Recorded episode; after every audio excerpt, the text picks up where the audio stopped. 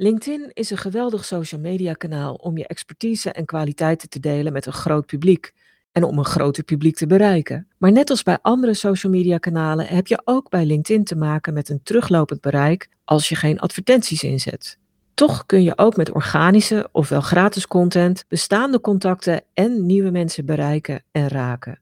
Dat vraagt wel om een gerichte aanpak. Een aanpak waarvoor je overigens geen rare trucjes hoeft toe te passen om het algoritme te beïnvloeden. Wel is het slim om rekening te houden met het algoritme, zodat je pakkende formats en onderwerpen kiest. Maar dan wel onderwerpen en formats die bij jou passen en die voor jou werken. Dat is het onderwerp van deze podcast.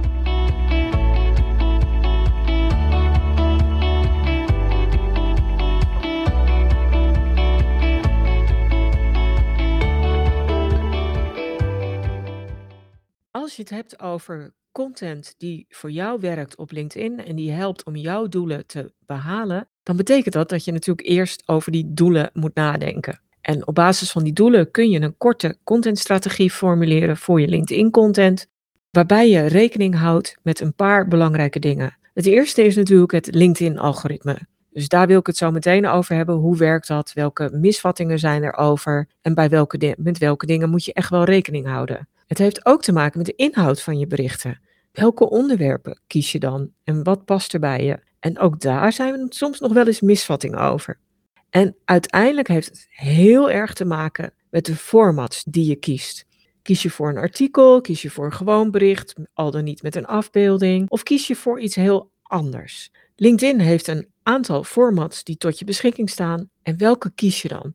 Dat zijn de dingen die ik in deze podcast aan de orde wil laten komen en dan wil ik eigenlijk beginnen met een misvatting. En je zag het misschien al een beetje in de titel of in de subtitel van deze podcast. LinkedIn succes draait niet om trucjes. En dat is misschien gek, want soms krijg je wel het idee van ik moet allerlei trucjes doen en ik moet beginnen met dit en ik moet eindigen met een call to action. Ik moet mensen echt expliciet oproepen tot het achterlaten van een reactie, et cetera. Ja, dat zijn allemaal dingen die wel werken, maar dat moet niet het hoofdelement zijn van wat je doet of van wat je laat. Dus laat je niet leiden door trucjes, maar laat je leiden door wie jij zelf bent, jouw authenticiteit, jouw doelen, jouw onderwerpen en de manier waarop jij het wil brengen. Je hoeft geen pleaser van het algoritme te zijn, of erger nog, een slaaf te zijn. Je kunt heel goed jezelf zijn. En natuurlijk werken die trucjes wel, eventjes, maar nog beter werkt het als je jezelf wilt en durft te zijn. Met jouw onderwerpen, jouw toon, jouw manier van brengen. En of je dat nou als persoon of als bedrijf doet, bijvoorbeeld omdat je content deelt op een LinkedIn bedrijfspagina, die authenticiteit is echt de kern. En het mooie is dat LinkedIn in een recente videoreeks over algoritme-mythes zelf ook aangeeft dat authentieke berichten die bij jou passen, voorrang krijgen. Dus dat is fijn om te weten. Dus als je geen trucjes hoeft te doen, wat werkt er dan wel? Nou, ook weer in het verlengde van jezelf zijn, kun je heel goed gebruik maken van de mogelijkheden om conversaties te hebben, om waarde te bieden, om keuzes te maken in je content, onderwerpen en je content vormen, maar ook door consistent en herkenbaar te zijn. Dat zijn eigenlijk vier ingrediënten voor succes op LinkedIn. En pas je die toe, dan kun je ook prima verkopen. Want zogenaamd niet mogen verkopen op LinkedIn, weet je, van die salesgerichte berichten plaatsen, dat is ook weer zo'n misverstand.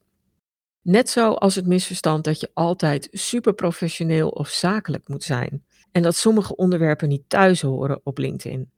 Gelukkig bepaal je dat echt helemaal zelf. Je kunt echt wel persoonlijke onderwerpen aansnijden. Kijk alleen hoe persoonlijk je dan wil zijn. Sommige zaken zijn erg privé en kunnen je zakelijke connecties zelfs een ongemakkelijk gevoel geven. En LinkedIn geeft aan dat persoonlijke zaken die ook te maken hebben met hoe je je werk doet of hoe je je bedrijf runt, een streepje voor hebben. Bijvoorbeeld bepaalde worstelingen die je hebt of uitdagingen die je hebt met je werk of met je vakgebied. En dat dat goed werkt is niet zo gek, want de eerste die je bericht zien zijn je bestaande connecties. Die kennen jou in meerdere of mindere mate. En die zijn, als het goed is, echt wel geïnteresseerd in wat jij meemaakt en wat je ervaart. En omdat ze die interesse hebben, is de kans dat daaruit een conversatie uit voortkomt, en die conversaties zijn goed voor je zichtbaarheid, heel veel groter. Dus deel zeker ook meer persoonlijke ervaringen, maar weeg daarbij ook af wat het lange termijn effect is en hoe het bijdraagt aan je persoonlijke merk. En wissel ze af met berichten die inhoudelijke waarde bieden. Dus persoonlijke dingen, persoonlijke worstelingen zijn goed voor conversaties, nodigen uit tot reageren, instemming of juist niet, maar bied daarnaast ook waarde en probeer te variëren in bepaalde onderwerpen maar varieer ook weer niet te veel, daar kom ik zo op. En in contentvormen, zodat uiteindelijk er een consistentie en een herkenbaarheid ontstaat. Mensen weten dat je bijvoorbeeld uh, regelmatig een artikel plaatst over X, of dat je regelmatig een video deelt over Y. En dat betekent ook dat je consistent aanwezig bent, dus voor een bepaalde frequentie kiest. Vraag je ook af wat mensen nu willen op LinkedIn. En er zijn ook nog wel eens wat misverstanden over. Het leuke was dat er op een gegeven moment iemand een LinkedIn-enquête deed, zo'n beruchte poll. Uh, waarin die vroeg van wat wil jij zien op LinkedIn? Waar heb je het meest plezier van? En met stip op nummer 1 stonden ook die conversaties in de reacties. Dus mensen vinden de berichten interessant, maar ze vinden vaak ook de reacties, de inhoudelijke reacties, commentaren interessant. En lezen die ook met veel plezier. Dus dat is een extra reden om berichten te plaatsen die uitnodigen of aanzetten tot reageren. En niet omdat je dat met een trucje geforceerd in je bericht zet van reageer of heb jij dit ook of vind je zus of zo. Nee, maar omdat je inhoud van je bericht en de manier waarop je het gedeeld hebt, al uitnodigt tot reactie. Dat is gewoon een hele authentieke, logische en natuurlijke manier om conversaties te creëren. En wat andere mensen ook nog interessant vinden, is dat ze gewoon vakinhoudelijke, nuttige informatie kunnen krijgen. Dus dan geeft het ook over, dan is ook waarde bieden inderdaad van belang op LinkedIn. Wat willen mensen dan nog meer? Er was nog een misvatting die ik wel eens terughoor bij mensen. En die zeggen van ja, in het weekend doe ik niks. Toch gaf 95% van de ondervraagden, en dat waren er bijna duizend, dus dat is redelijk representatief te noemen. 95% gaf aan dat ze ook in het weekend op LinkedIn kijken. Slechts 3% gaf aan dat ze LinkedIn alleen op werkdagen bekeken. En de anderen hadden weer andere redenen. En die zaten bijvoorbeeld op andere social media of deden bijna nooit iets met LinkedIn. Dus 95% van je doelgroep, van je publiek, kijkt ook in het weekend op LinkedIn. Dus het is echt niet zo dat je niet op vrijdag moet plaatsen of dat je niet in het weekend moet plaatsen. Wat je wel zou moeten doen, hangt ook heel erg af van het doel dat je hebt met LinkedIn. En voor veel mensen op LinkedIn is het doel uiteindelijk om toch gevraagd of benaderd te worden als aanbieder van producten, van diensten of als spreker of als trainer. Of misschien om zich te positioneren als expert, zodat ze ook in de media of door media gevraagd worden. Dus dat is een doel wat ik vaak terugzie. En je kunt meer doelen hebben, maar dit is eigenlijk wel de belangrijkste. Dus die wil ik ook als uitgangspunt gebruiken in deze podcast. Dan kun je er ook KPI's aan hangen. En KPI's zijn gewoon hele simpele dingen of duidelijke dingen die je op een simpele manier kunt meten. Bijvoorbeeld het verkeer naar je website of het bereik van je profiel of het bereik van je berichten. Dat kun je ook heel gemakkelijk en snel op LinkedIn zien en monitoren.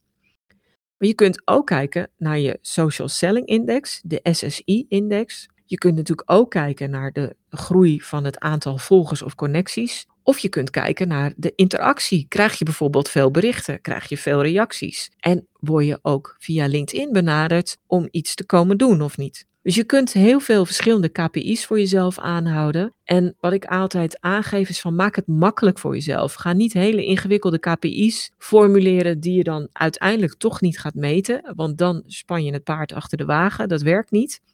En twee dingen wil ik er hier kort uitlichten. Dat zijn je Social Selling Index. Want die kun je ook echt heel makkelijk en eigenlijk in twee, drie, vier minuten per maand kun je die meten en bekijken. En de andere is je mate van interactie. Om te beginnen met die Social Selling Index, die SSI. Het heeft uiteindelijk wel te maken met je saleskracht en met social selling. Maar het leuke van de SSI is dat er gewoon veel meer in zit.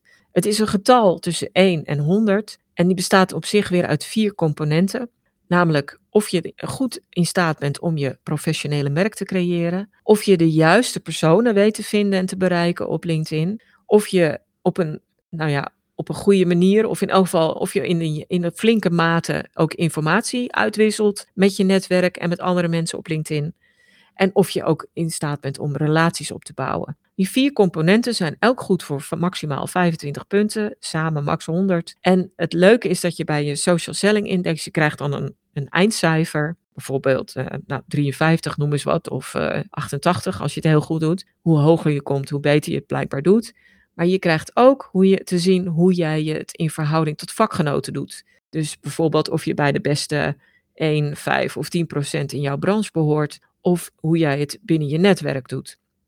En zo maak je het ook meer relevant voor jezelf en voor het vakgebied waar jij in opereert. Dus je SSI-factor of je, je SSI-index en de vier factoren, die kunnen je een hele goede indicatie geven van hoe je het doet. Dat getal kun je ook heel makkelijk monitoren elke maand. En dan bijvoorbeeld desnoods in een Excelletje bijhouden van, hey, stijgt het? Maar je kunt ook naar die vier deelcomponenten kijken en kijken van, hey, daar scoor ik nog iets minder goed op. Hoe kan ik dat verbeteren en zie ik daar ook vooruitgang? De tweede KPI die je heel goed kan meten op LinkedIn is je mate van interactie. Want hoe meer interactie je hebt, hoe meer zichtbaar je profiel is. Dus dat kun je ook heel goed monitoren. En uh, door in je statistieken te kijken van hoe de interactie er is, of door heel bazaal bij te houden hoeveel DM's je elke maand krijgt of elke week krijgt. En je interactie zorgt heel erg voor zichtbaarheid. Dus dat brengt mij op de vraag voor jou over je doel en je doelen op LinkedIn. Iets om voor jezelf om over na te denken. Wil je je doelen bereiken via bestaande connecties of volgers? Of heb je daarvoor groei nodig van het aantal volgers?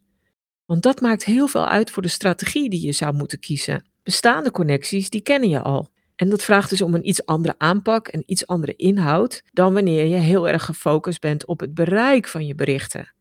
En of dat nou je profiel of je pagina is, als je het gaat om je bereik van je berichten, dat dat zo groot mogelijk moet zijn, ja, dan moet je net andere onderwerpen, andere invalshoeken, maar ook andere vormen kiezen. Dus je doel op LinkedIn en of je voor bestaande uh, volgers kiest om daar meer impact te genereren en om daar bijvoorbeeld meer rendement uit te halen, ofwel dat je vooral het wil laten groeien, of misschien een combinatie van die twee dat maakt heel veel uit voor je strategie op LinkedIn. Wat voor die strategie ook belangrijk is, is het algoritme. Daar gaan allerlei verhalen over, worden altijd heel veel beweringen over gedaan. En het is natuurlijk heel erg lastig om te weten welke bewering nou wel of niet klopt. Maar er zijn een paar dingen die, waar toch wel consensus over is. En het leuke is dat LinkedIn de laatste tijd daar ook weer wat meer dingen over deelt. Goed, waar lijkt dan consensus over te bestaan? Het eerste is of je profiel goed ingevuld is. En of dat up-to-date is. Je profiel is belangrijk.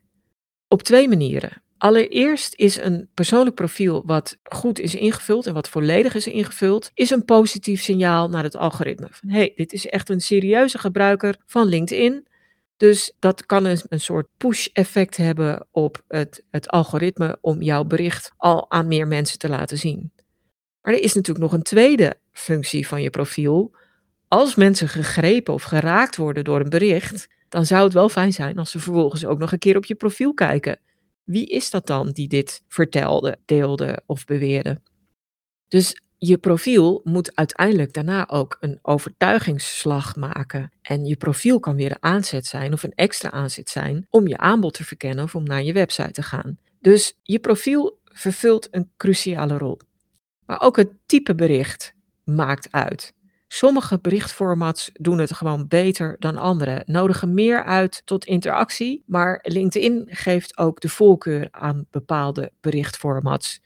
Denk bijvoorbeeld aan video's. En ja, berucht zijn natuurlijk die polls die op een gegeven moment uh, hip en happening waren en tot vervelend toe door allerlei mensen werden ingezet en soms ook echt op onzinnige manieren, in mijn ogen dan, maar niet alleen in mijn ogen, want er ontstond echt bij veel LinkedIn-gebruikers veel ergernis over. Ja, die polls die zorgden voor interactie, maar het was niet altijd de gewenste interactie. En eh, dat, dat is ook echt aan het veranderen. Je ziet de polls veranderen, maar je ziet ook de zichtbaarheid van de polls veranderen. Dus het type bericht heeft wel invloed.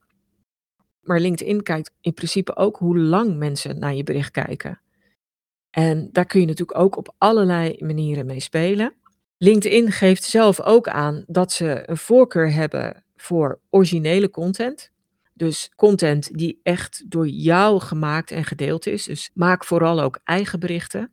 Het algoritme wordt ook beïnvloed door de eerste tijd na plaatsing, een soort proefperiode van elk bericht. Het is niet helemaal duidelijk hoe lang dat is, in elk geval een aantal uren. Als een bericht in die eerste tijd reacties krijgt, dan wordt het ook sneller aan meer mensen getoond en dan gaat het wiel verder draaien.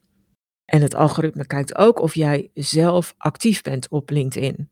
Dat heeft twee gevolgen in feite als je echt actief bent op LinkedIn. Het betekent dat je niet te veel en zeker niet uitsluitend moet leunen op automatiseringstools. En het betekent ook dat het slim is om op anderen te reageren. Reageer ook op de berichten van anderen. En maak dat eigenlijk ook wel tot grote prioriteit. Want als jij niet op anderen reageert, ben je gewoon zelf niet heel erg actief. En dan zal het algoritme ook uiteindelijk minder in je voordeel uitpakken. Dus inhoudelijk reageren, dus niet alleen maar met zo'n duimpje, lampje of wat is er nog meer reageren, maar ook inhoudelijk reageren op berichten van anderen, heeft invloed op het algoritme. Maar het heeft ook invloed op je zichtbaarheid. Want andere mensen die het oorspronkelijke bericht zien, zien vaak ook jouw reactie. En zien ook dat eerste stuk van je kopregel, je profilering op LinkedIn. En dat is ook vaak al heel erg nuttig. Als je een soort compacte LinkedIn contentstrategie wil maken, en dat klinkt misschien heel ingewikkeld, maar dat kan echt op een A4'tje, kijk dan naar de volgende zes componenten. Zorg voor die conversaties, wat ik net al zei. Wees consistent. Dus kies voor een bepaalde frequentie, kies voor bepaalde formats en laat die terugkomen. Kies ook voor bepaalde onderwerpen. Het derde is dat je ook moet laten zien wat je verkoopt. Ik zei het net al, het is een soort misvatting dat je niet verkoopgerelateerde berichten mag plaatsen. Nou, dat mag echt wel. Sterker nog, het zou ook echt moeten. Vierde component is dat je zorgt dat je waarde biedt. De vijfde is dat je duidelijkheid brengt in de onderwerpen die je biedt. Dus waar praat je over? Waar schrijf je over? Waar deel je berichten over? En dan uiteindelijk kies je ook voor bepaalde formats die bij jou passen, die bij je verhaal passen, maar die ook een beetje inspelen op dat algoritme, de voorkeuren die LinkedIn zelf heeft, en dat je daar met enige mate in varieert. Nou, die componenten wil ik iets toelichten. Ik had het net al over conversaties, hoe belangrijk die zijn, dat je reageert op anderen, maar dat je ook reageert op hun reacties op jouw berichten. Al is het maar dankjewel, hele simpele korte reactie, is ook alweer extra input om die conversatie gaande te houden. Of als iemand reageert met een bepaalde opmerking, stel daar dan nog een keer een vraag over. En dat nodigt misschien wel weer uit dat die persoon nog een keer reageert. Niet gekunsteld, puur op inhoud en op logica, dat het ook logisch is dat je die vraag stelt. En ja, sommige onderwerpen lenen zich ook meer voor reacties. Actualiteit, dingen waarvan je weet in je vak of in je werk dat mensen daar uiteenlopende meningen over hebben. En als je conversaties gaande wil houden of wil stimuleren, dan is het slim om je linkberichten, berichten waarin je een link deelt, echt met mate te gebruiken en te doseren. Want linkberichten, ze zijn A niet zo populair bij LinkedIn, want ze sturen mensen weg van het platform. Maar ten tweede nodigen ze ook vaak veel minder uit tot reageren. Dus tot die conversatie. Dus dat is jammer, dat zou je dan wat minder moeten doen. Consistentie is ook belangrijk en daarom probeer ik altijd mensen aan te zetten tot een heel simpel plannetje waarin je ook een frequentie kiest. Wil je dagelijks iets publiceren op LinkedIn? Denk je dat twee of drie keer per week beter is? Denk je dat je het één keer per week gaat doen of dat je het één keer in de veertien dagen gaat doen? Kijk daarbij wat voor jou haalbaar is, wat je connecties of je doelgroep zouden willen en kijk dus ook naar je doelen. Hoe ambitieuzer je doel, hoe hoger je frequentie over het algemeen moet zijn. Daarna ga je kijken hoe je die frequentie zou kunnen invullen. Met onderwerpen, met formats, zodat je daarin varieert, maar ook met je commerciële aanbod. Bedenk bijvoorbeeld of je 1 op de 5 of 1 op de 10 of 1 op de 20 berichten een commercieel tintje geeft. Maar doe het gedoseerd. Wissel het af en zorg dat je ook waarde biedt. Daar kom ik zo op, want dat is de vierde component in je LinkedIn contentstrategie. Die vierde component van je LinkedIn contentstrategie heeft te maken met waarde bieden. En waarde bieden doe je meestal door je kennis te delen. Maar het delen van brokjes kennis is over het algemeen niet genoeg of niet meer genoeg. Het gaat er ook om hoe je het verpakt en hoe je het brengt. Breng het echt op een eigen manier in woorden en, en beelden die mensen van je kennen. Maar kijk ook of je voor een deel andere dingen kunt brengen dan wat mensen al weten. Deel inzichten. Deel jouw mening. Deel misschien een vakinhoudelijke controverse. Deel iets heel nieuws, wat mensen misschien nog niet weten. Van jou niet weten, van je bedrijf niet weten, of wat ze over het onderwerp nog niet weten. Probeer niet alleen maar brokjes kennis te delen, maar probeer ook een beetje te verrassen en te inspireren en mensen aan te zetten tot een nieuw idee, tot een nieuw inzicht of tot een nieuwe actie. Is niet eenvoudig. Het is altijd makkelijker gezegd dan gedaan. Maar behalve kennis delen, is dat ook een beetje dat, dat stimuleren en het beetje verrassen. En het op een leuke, inspirerende manier brengen, is echt wel belangrijk. En ga je dan naar de inhoud kijken van die kennis die je deelt, ja, dan kun je natuurlijk putten uit alles wat je al op je website deelt. Vaak staat daar wel een blog op en kun je dus blogartikelen delen of onderdelen van blogartikelen delen. Je kunt onderdelen van video's, webinars, nieuwsbrieven delen. Dus je hebt heel veel bronnen aan eigen content om uit te putten. Maar je kunt ook goed putten uit de content van anderen. Dat is dat je content cureert en dan kijk je naar bronnen van anderen, andere websites, bijvoorbeeld van vakgerelateerde of branchegerelateerde websites of videokanalen of wat het ook is. En dat je daar elementen uithaalt. Data, feiten, inzichten, die kun je weer zelf op een eigen manier brengen en delen op LinkedIn. Dus je gaat er niet naar linken, maar je gebruikt content vanuit andere websites om ook weer mensen een stap verder te brengen. Kijk dan wat interessant kan zijn voor je doelgroep. Vraag je af wat je doelgroep misschien nog niet kent of je connecties. En kies voor kennis met diepgang of kies juist voor inspirerende en entertainende content. Weet je? Want het was net dat ik bij waarde bieden zei: probeer te inspireren en te verrassen. Dat is best lastig. Maar soms heb je wel bronnen waarvan je weet van ja, die brengen het altijd op een hele leuke en inspirerende manier. Dus kijk dan of je die bronnen kunt inzetten. En om zelf ook die inspiratie terug te brengen in de content die je deelt.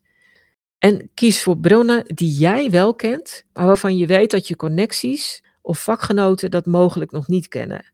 Dus je hoeft niet alleen maar uit je eigen bronnen van content te putten.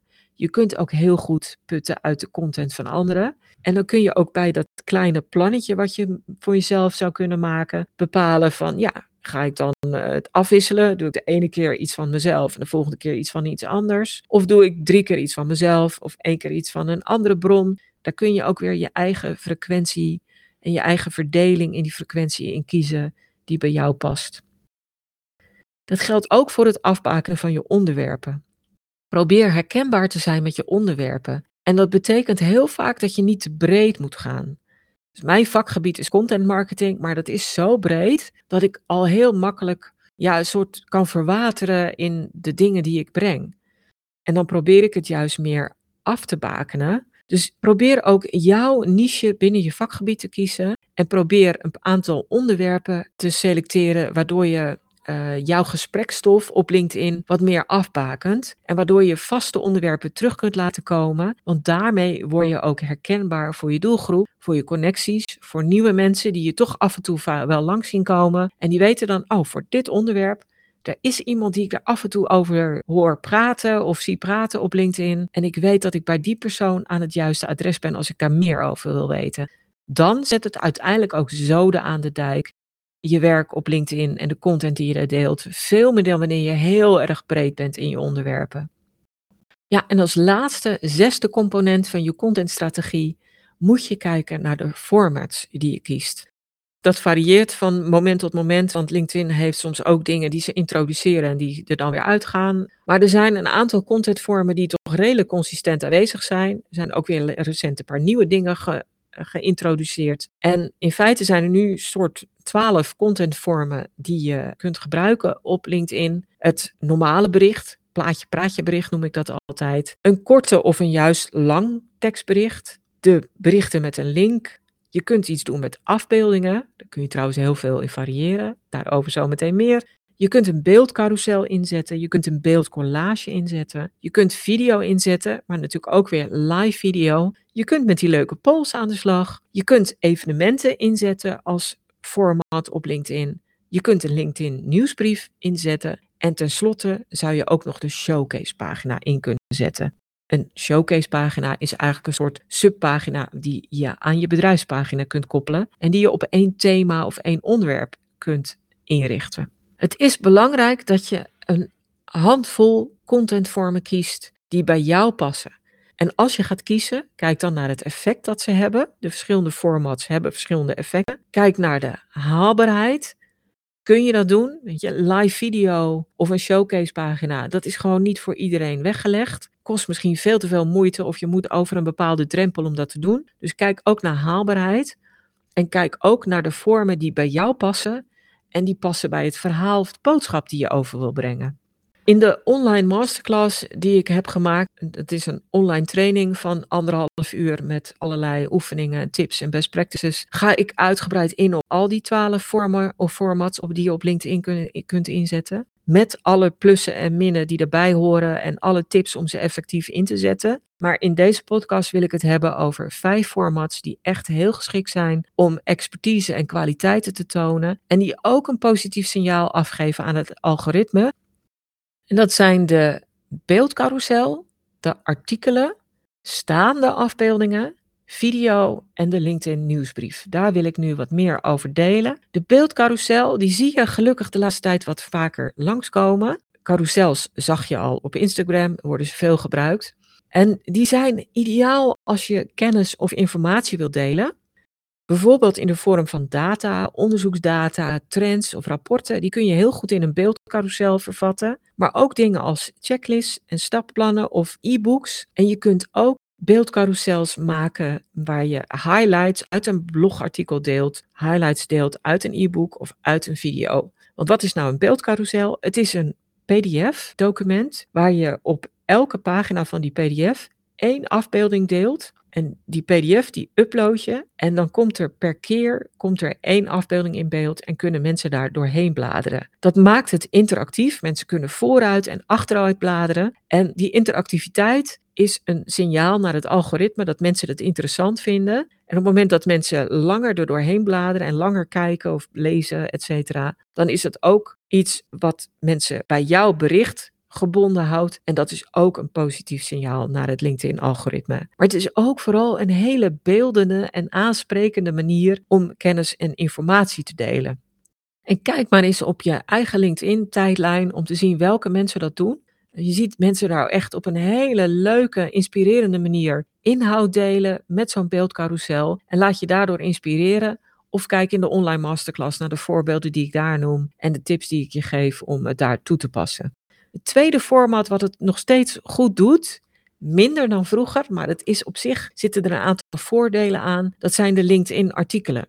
Die komen redelijk goed in beeld, maar die hebben ook als voordeel dat ze geïndexeerd worden door Google. Dus jouw onderwerp is ook in Google zichtbaar, je LinkedIn-artikel.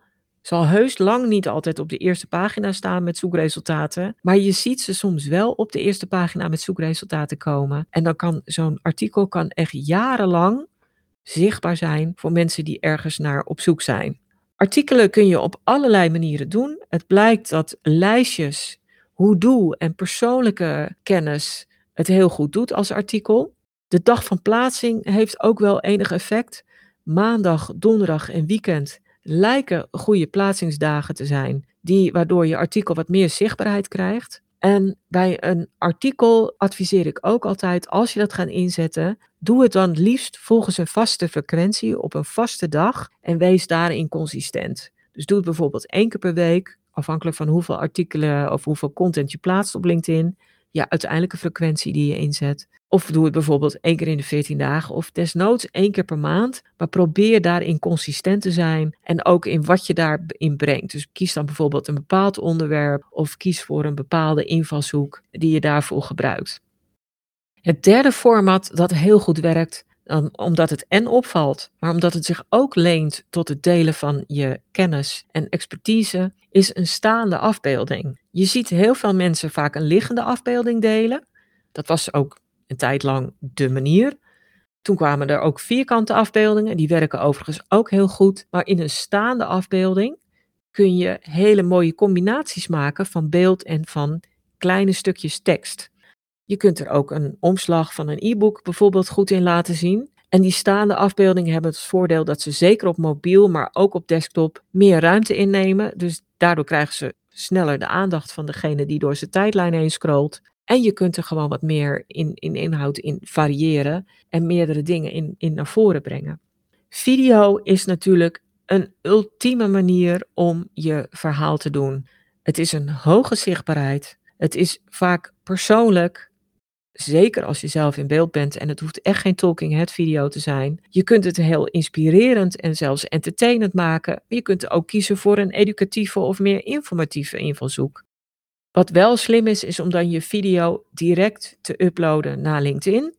Dus niet een linkje naar YouTube of Vimeo te plaatsen. En het is ook slim om het te ondertitelen. Want meer dan 80% kijkt toch met het geluid uit. En dan is een ondertiteling wel een heel fijn hulpmiddel om te snappen waar je video over gaat. En tenslotte de LinkedIn nieuwsbrief. Je kunt één nieuwsbrief aan je account koppelen of één nieuwsbrief koppelen aan je bedrijfspagina. Maar voordat je het doet, bedenk dan wel twee dingen.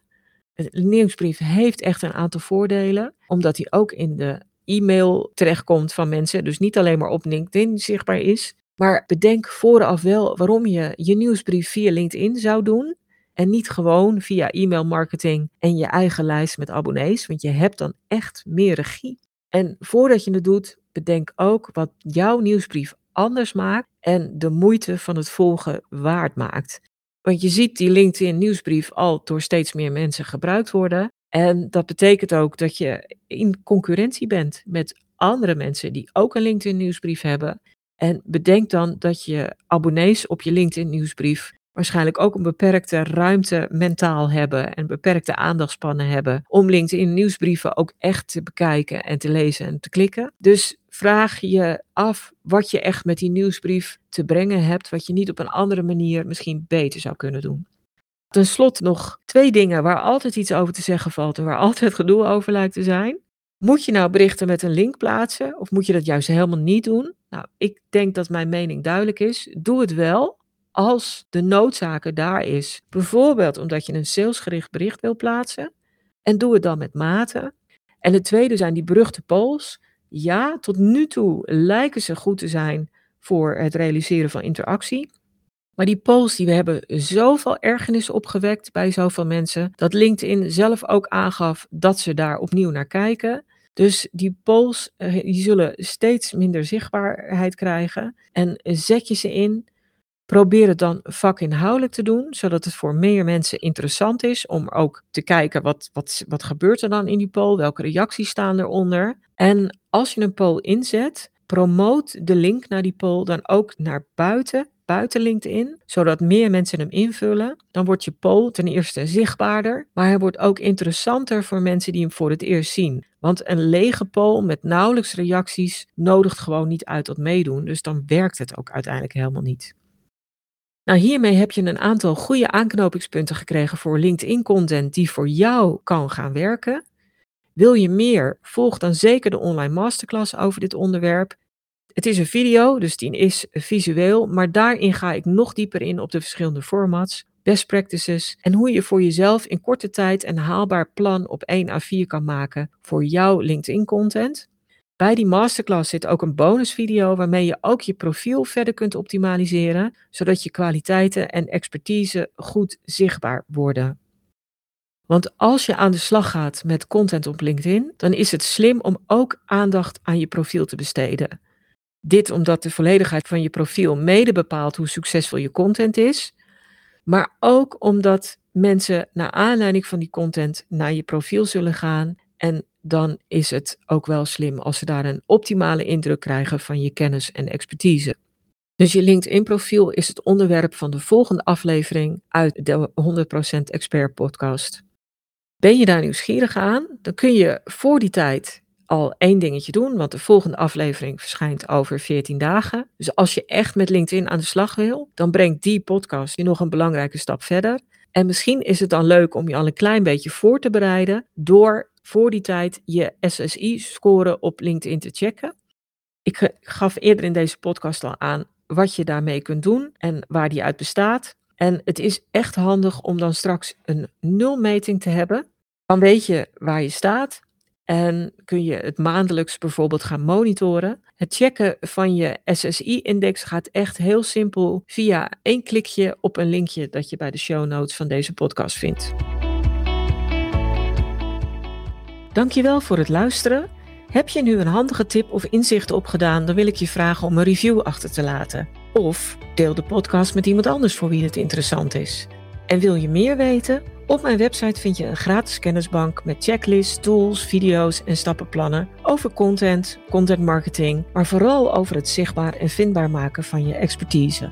En in de Content Academie vind je bovendien tal van online masterclasses en trainingen die je helpen om je expertpositie verder te versterken.